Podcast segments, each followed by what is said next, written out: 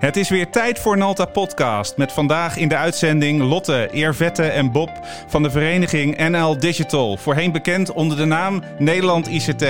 Waarom vormt NL Digital de kern van de Nederlandse digitale economie? Wat is de rol van goed data privacy beleid op het gebied van innovatie? En wat kan de overheid betekenen om Nederland digitaal relevanter te maken?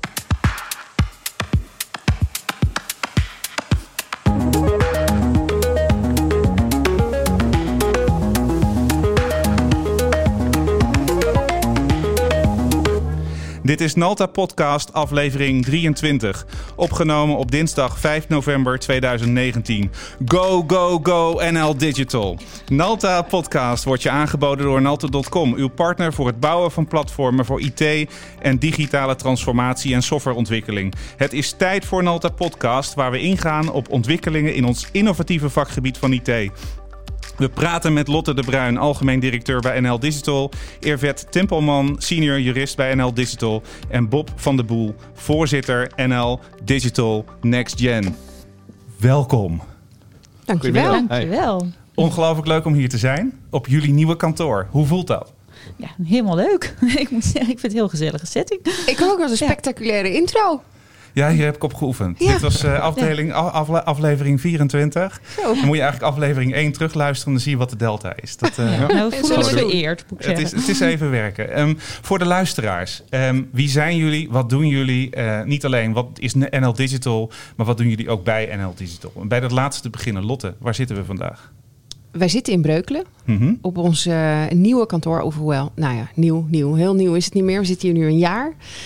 Um, ja, mensen kunnen het natuurlijk niet zien, dus ik kan het even snel een beetje omschrijven. het is open, het is licht. Uh, uh, uh, het is transparant, mensen werken met elkaar samen. juist omdat eigenlijk alles is ontschot. Zo, zo noem ik het maar eventjes. En ja, het is hier heel fijn. Ik zie heel veel hout, ik zie heel veel wit, ik zie heel veel glas. Ja. Heel modern. Het, het, komt heel natuurlijk over. Het is, ja. ja. je komt, wordt mooi ontvangen.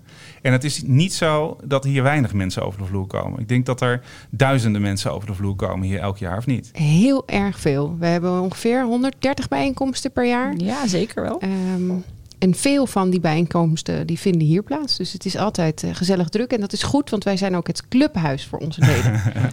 Dus dat is mooi. Het rondje te lopen. Lotte, wat is jouw rol hier precies? Ik ben algemeen directeur. En wat doe je dan op een dag? Oh, dat is bijna niet te omschrijven. En dat is ook het leukste aan mijn baan, dat dat zo divers is. Dus ik hou me bezig met het bedrijfsleven, ik hou me bezig met de politiek. Ik hou me bezig met het runnen van een organisatie. Uh, van onderdeel zijn van een fantastisch team. Het is, het is te veel om op te noemen. Uh, en dat maakt het ook uh, ontzettend leuk. Ja, super vet. En ja. vet? Ja, het is ook heel gevarieerd. Ja, ik ben dan een van de juristen. Uh, maar dat gaat van dienstverlening tot het uh, juridische adviezen intern geven, uh, beleidsstukken voorbereiden, workshops voorbereiden en geven, stukken schrijven. Nou, noem maar op. Het is echt onwijs veel. We, we, hebben net een Nalta Explorers opgenomen, Lotte en ik. En um, toen, toen raakten we kort van waar heel veel, heel veel mensen en heel veel bedrijven jullie van kennen. Ja. Toen het nog Nederland ICT heette van de, de officevoorwaarden. ja, heel zeker. Ja, en, en als je nu kijkt wat jullie nog meer doen, dat is bizar. En dat gaan we vandaag ook raken in, uh, in deze podcast. Uh, maar dat is dus voornamelijk waar jij ook mee bezig bent, begrijp ik.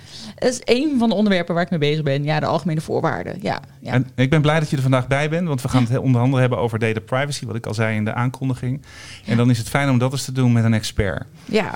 Ja, en dan uh, Bob, ik was echt verrast dat jij hier... ja, leuk om elkaar weer te zien hier. Ja, ontzettend leuk. Ik ken jou van, van Dell, Dell EMC in Amsterdam. Ja.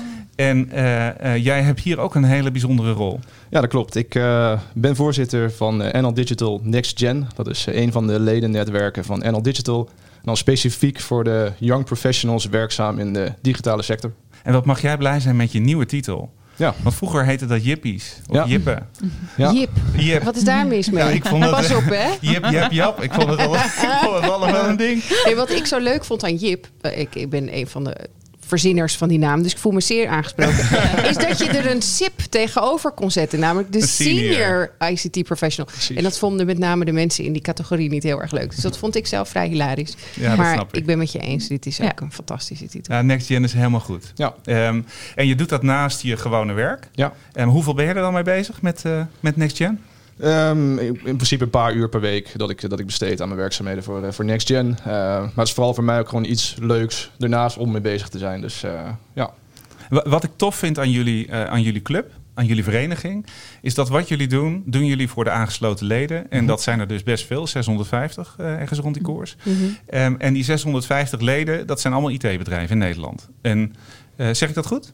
Ja, dat zijn allemaal bedrijven die de digitale transformatie mogelijk maken. Maar je, die hm. kan je onderverdelen in verschillende lagen. Dus infrastructuur, hardware, software, dienstverleners, platforms in alle niches uh, die er bestaan. Dus of dat nou bedrijven zijn die actief zijn in de zorg of juist in de mobiliteitssector. Uh, hè, er zijn zoveel verschillende bloedgroepen. En het mooie aan wat wij doen, dus dat, dat ben ik helemaal met je eens, is dat we dat hele ecosysteem vangen in onze achterban. En ja, daarom vormen we ook eigenlijk de kern hè, waar je mee begon in mhm. je intro. Daarom zijn wij ook echt de kern van de digitale economie.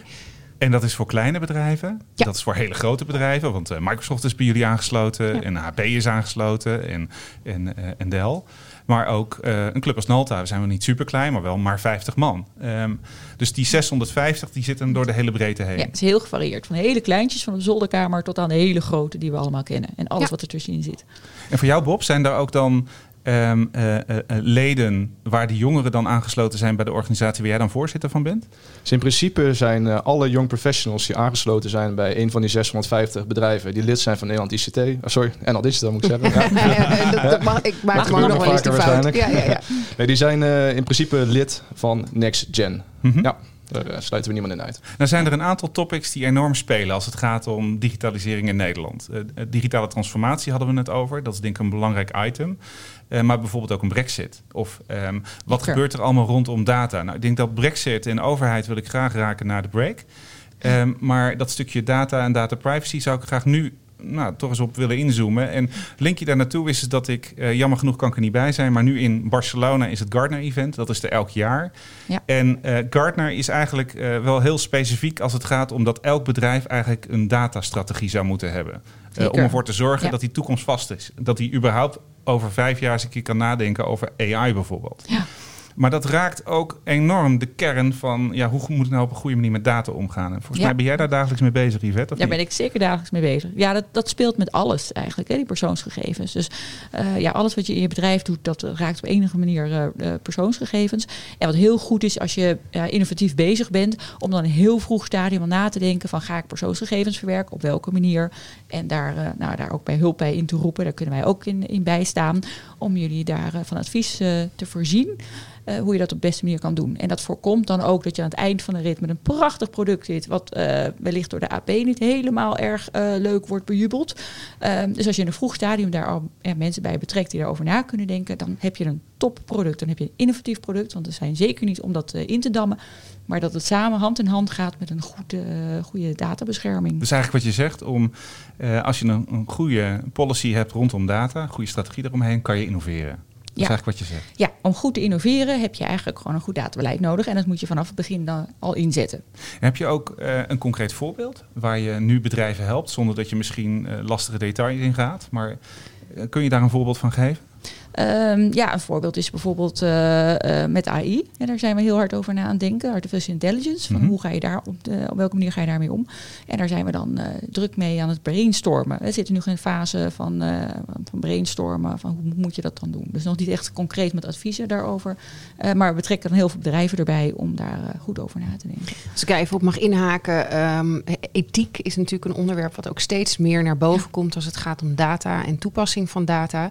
En een van de dingen die wij concreet hebben gedaan, is met, samen met een aantal bedrijven en ook in lijn met wat er in Europa al gebeurt, is een soort gedragscode opgesteld van uh, ethische gedragscode rondom AI. Dus uitleggen wanneer iemand te maken heeft met AI. Mm -hmm. En uitleggen hoe, uh, hoe, hoe, dat werkt, hoe die toepassing werkt. En uh, letten op bias, dus vooroordelen in je data, et cetera. En dus bedrijven eigenlijk ook handvatten geven om by design eigenlijk, ja. want we hebben het over privacy by design, maar we hebben het ook steeds meer over ethics by design. Dus al vanaf het eerste begin uh, die principes mee te nemen uh, in het ontwikkelen van je, van je producten eigenlijk. Ja. Dat is echt super gaaf. Ja. Dus eigenlijk wat je zegt, is op het moment dat je een AI-engine aan het leren bent, of dat nou voor machine learning of deep learning is, dat jullie al uh, met zo'n bedrijf nadenken over welke data die gebruikt voor dat leerproces. Ja, Ja. En dus nadenken over, nou dat, dat hebben we al heel erg concreet over nagedacht, want die zijn er al, die gedragsregels. Dus waar hou je aan? Hè? Dat is echt gaaf. en zien jullie dan ook een verschil, misschien een lastige vraag, maar ehm, of daar een verschil is tussen bedrijven waarbij de leidinggevende 50, 60 zijn, misschien 40, 50, 60. Of uh, start-ups waar vooral de generatie van Bob actief is. Dat die anders omgaan met die data privacy regels of anders nadenken over privacy rondom data. Zie je dat? Ja, in alle eerlijkheid zie ik niet zo'n heel groot verschil. Ik weet niet of Bob daar anders tegenaan kijkt, maar dan horen we dat zo meteen graag. Um, ja, wat ik wel zie is dat, uh, nou ja, 60 is dan misschien wel het andere uiterste. Hè? Maar als je gewoon de leeftijdscategorie 40, 50, die denken er ook al heel goed uh, over na. Uh, neem het zeker niet voor lief. En de jongere generatie is er dan wel eens mee opgegroeid, maar die gaan er ook op een bepaalde heel goed mee om. Dus eigenlijk vind ik dat het redelijk naar elkaar toe groeit. Okay. de privacybewustzijn is eigenlijk bij alle groepen aanwezig. En dan heb ik, ja, als je het dan hebt over de oude oma's, ja, dat is dan weer een andere categorie. Daar zie je wel meer angst eh, van wat gebeurt met mijn data. Maar mensen die in onze sector uh, bezig zijn, die zijn er al wel heel erg bewust. Onderschrijf je dat op? Ja, zeker. Ik, ik moet ook zelf zeggen, ik, ik hing een beetje op twee gedachten. Aan de ene kant heb ik een fascinatie voor wat er allemaal mogelijk is. En aan de andere kant ben ik ook heel waakzaam. Wat gebeurt er inderdaad met mijn data?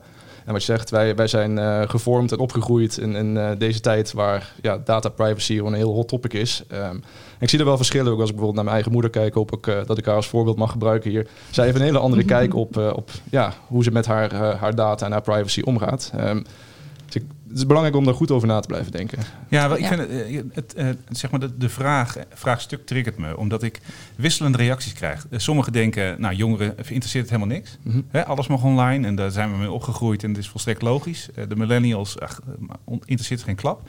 En er zijn ook, en er zijn ouderen die dit denken. En er zijn ook ouderen die zeggen, nee, juist jongeren, die zijn heel erg met hun privacy bezig. Mm -hmm. Die zijn daar veel bewuster van dan ouderen, want ze zijn ermee opgegroeid en ze snappen wat de consequentie is als ze wat delen met bijvoorbeeld een Facebook of, of Google. Maar ik denk dat als je onderscheid wil maken, zeg maar even op bedrijfsniveau, dat je uh, los van jong, oud uh, ook een verschil kunt uh, zien in bedrijven die digitalisering strategisch en tactisch in hun beleid hebben zitten. Dus echt in de top van de organisatie, tactisch, strategisch, maar ook operationeel hebben geborgd. Yeah. Die zijn vaak bezig met data vanuit het design en, en, en gewoon digitalisering aan zich als middel om hun bedrijf beter te maken. -hmm. En dan heb je de bedrijven die digitalisering of ICT zien als iets wat alleen maar operationeel is. Ja. En ik denk dat dat ook wel de bedrijven zijn die anders ja. met data omgaan. Of zich Klopt. misschien niet bewust zijn van wat dat betekent, privacy by design. En, en eigenlijk door gebrek aan kennis misschien wel fouten maken op, op dit vlak. Ja. Dus ik denk dat ik dat eerder zie je als onderscheid dan per se jong-oud. Ja, interessant. Ja. En ik denk ook een hele goede toevoeging. En ja, dit speelt enorm. En ik denk ook gewoon heel goed is dat we hier even bij stilstaan. Want mm-hmm. dit is zo de kern van waar we straks uh, met IT als Nederland staan. En uh, na de pauze, na de break, uh, wil ik daar eigenlijk op inzoomen. Van hoe ziet, hoe ziet die brug er nou naar de overheid aan? En wat voor diensten bieden jullie aan? En wat voor lobbywerk doen jullie om NL Digital in Nederland beter op de kaart te zetten? Want to grow your business and take it to the next level? Well, here we all are, and we're going to show you how through hard work, perseverance, and a little help and know how, you can take things to the next level and push the success of your business even further. Let's get going. Ja, Lotte. Hoe, ja, hoe vaak kom je eigenlijk op het binnenhof? Oeh, nou, um, jeetje, hoe vaak kom ik op binnen? Of, nee, ik denk eh, eh, per twee weken zeker wel. Ja, nou misschien één keer per week. Dat is best veel. Ja? Ja, nee, ja. ja. Oké. Ja, nee, goed, ik wil me niet vergelijken met je op dat vlak. Uh, maar ik kom er nooit eigenlijk. Ik, ben de, okay. ja, ik kom er echt nooit. Ik denk heel veel Nederlanders komen nooit op het, op het Binnenhof. Ja, misschien om een keer een rondleiding te krijgen. Behalve als je bij de politiek zit. Ja. En... Um, dus vandaar, ik was nieuwsgierig hoe vaak kom je er. Als je dan zegt één keer per week, vind ik dat veel. Ja, ik denk nou, hartstikke ik goed hoor. Ik, ik denk dat ik uh, het Binnenhof en gewoon Den Haag, zeg maar. Want het is natuurlijk niet alleen politiek. Er is ook een heel groot ambtelijk stuk natuurlijk aan Den Haag, waar we net zo vaak te vinden zijn. Uh, dat zijn twee hele gescheiden werelden. Ja. Uh, maar wij categoriseren, zeg maar, we hebben Den Haag. En daar lobbyen we. En soms is dat, of doen wij aan belangenbehartiging. En soms is dat in de Tweede Kamer. En soms is dat bij een ministerie. En wat tref je daar aan? En meer specifiek, hoe tech-savvy is politiek Nederland? Oeh, het is een ingewikkelde uitspraak. Ja, het is geen. Het is, nou, het is, zeg ik maar denk niet, dat ehm, het onderzoek wat ik, uh, ik weet niet of ik het net heb aangehaald, maar we hebben een onderzoek gedaan naar uh, bij hoeveel procent van bedrijven digitalisering ook echt in een boardroom zit. En ik geloof dat daar, nou ja, nog geen 15 procent is dat zo. En ik, ik durf die lijn wel door te trekken. Ik merk dat digitalisering steeds meer een onderwerp is. Zeker in vergelijking met toen ik hier zes jaar geleden begon ging het helemaal niet zo vaak over digitalisering. Vaak alleen in een negatieve zin. Dus wat dat betreft staat het nu veel meer op de agenda. Uh, en het is een dossier wat ja, toch wel van uh, ja, beleidspersoon of bewindspersoon naar bewindspersoon gaat. Van oh, ik heb het te druk in mijn portefeuille. Hup, iemand anders krijgt de portefeuille ICT. En het blijft nog steeds lastig voor ons om bijvoorbeeld met de woordvoerder zorg te praten. Die blijft ons doorverwijzen naar de collega die gaat over, over digitalisering. En daar hebben we echt nog heel veel stappen te zetten. Want mhm. ook als het gaat om de zorg, als het gaat om mensen, hè, voorkomen dat mensen ziek worden uh, en genezen, daar speelt de toepassing van digitaal een enorme rol. Dus eigenlijk wat je zegt, is wat je aantreft in het bedrijfsleven, is dat bedrijven super succesvol, meer kans hebben op super succesvol zijn op het moment dat digitaal een een onderdeel wordt van hun strategie, mhm. geldt dat voor de overheid net zo. Tuurlijk, ja, zeker. Ja, dat, is, ook hartstikke logisch. Ja, ja voor mij wel. Ja. ja, ja, ja. En, maar dan begrijp ik ook dat je daar eh, eh, echt wel minimaal één keer per week wil zijn. Want er, er werken, ik weet niet hoeveel mensen er eigenlijk werken voor Politiek Den Haag. Dat zijn ik heb geen flauw zijn idee. Er serieus veel. Ja. En ja, dan wil je dat op een goede manier, wil je ons vertegenwoordigen. Want zo voelt het ook, moet ik zeggen. En dat geldt ook voor jou, uh, Yvette. Ja. Eh, wij zijn de Nederlandse IT-partijen. En hoe zorg je ervoor dat ja, die boodschap verkondigd wordt? Gebeurt dat ook op uh, jongere niveau, Bob? De boodschap verkondigen? Dat, ja, voor Politiek, politiek Den Haag of misschien op lokaal niveau? Of... Nou, wij proberen wel ook uh, met, de, met de events die wij uh, met, met Next Gen organiseren om uh, maatschappelijke vraagstukken te pakken. en soms kan het ook een, een politiek karakter hebben. Ehm, maar daarin zoeken we inderdaad hoe digitalisering eigenlijk op een positieve manier gebruikt kan worden om ofwel het zakenleven of de politiek in dit geval, ja, hoe we daar een, een positieve indruk kunnen achterlaten. En dan speelt er zeg maar rondom de politieke thema Brexit bijvoorbeeld. Ja. Is dat dan ook iets wat jullie gewoon bij de horens pakken en daarover gaan, gaan brainstormen en ook met oplossingen komen? Dat zou een eh, topic kunnen zijn. Uh, op dit moment staat het niet op de agenda bij ons. Uh, Maar ik sluit niet uit dat, uh, dat we dat in de toekomst een keer zullen oppakken. Nee. En voor NL Digital? Ja, zeker. Al heel lang ook uh, speelt dit. Waarbij we echt alert zijn op wat er gebeurt. We hebben natuurlijk heel lang, misschien nog steeds wel heel erg in het ongewisse van ja, wat gaat er nou veranderen? En als er iets verandert, wat, wat moeten wij dan doen? Zeker op het gebied van data, maar daar kan de heer Vet natuurlijk veel meer over vertellen. Ja, daar adviseren we wel om, om stappen te ondernemen. Maar het, ja, zoals Lotte terecht zegt, het is nog zo ongewis. Als politici op hoog niveau niet eens weten wat er gaat gebeuren, waarom zou je van een kleine ondernemer of van een grotere ondernemer verwachten dat ze daar allemaal een voorschot op nemen? Ja. Uh, maar desalniettemin hebben we wel de boodschap doorgekregen van de ministeries dat we, eh, dat we wel natuurlijk moeten pushen. Uh, dus we hebben een toolkit ontwikkeld waarmee ze aan de slag kunnen gaan. Dus bedrijven die graag die stappen willen nemen, daar hebben we alle advies voor gegeven. Een nieuwsbrieven, een toolkit voor opgesteld met een brief die ze kunnen gebruiken. Ja, hoe, hoe ziet dat er meer uh, uh, precies uit? Een toolkit, daar zitten brieven die je kan sturen naar jouw klanten? Of? Um, nou, eigenlijk naar jouw subverwerkers. Uh, want als verwerker heb je vaak nog subverwerkers. Dus in, AVG in georiënteerd? AVG georiënteerd is het, ja. Om, om te inventariseren van ja, waar ben je eigenlijk, of waar, waar, is onze, waar zijn, worden onze persoonsgegevens opgeslagen? En is dat in de UK? Want tot nu toe ja, kon je afdoen met het zit binnen de EU. En dan kon je dat noteren. Dan kon je mhm. dat in je documentatie opnemen. Van nou, het zit binnen de EU.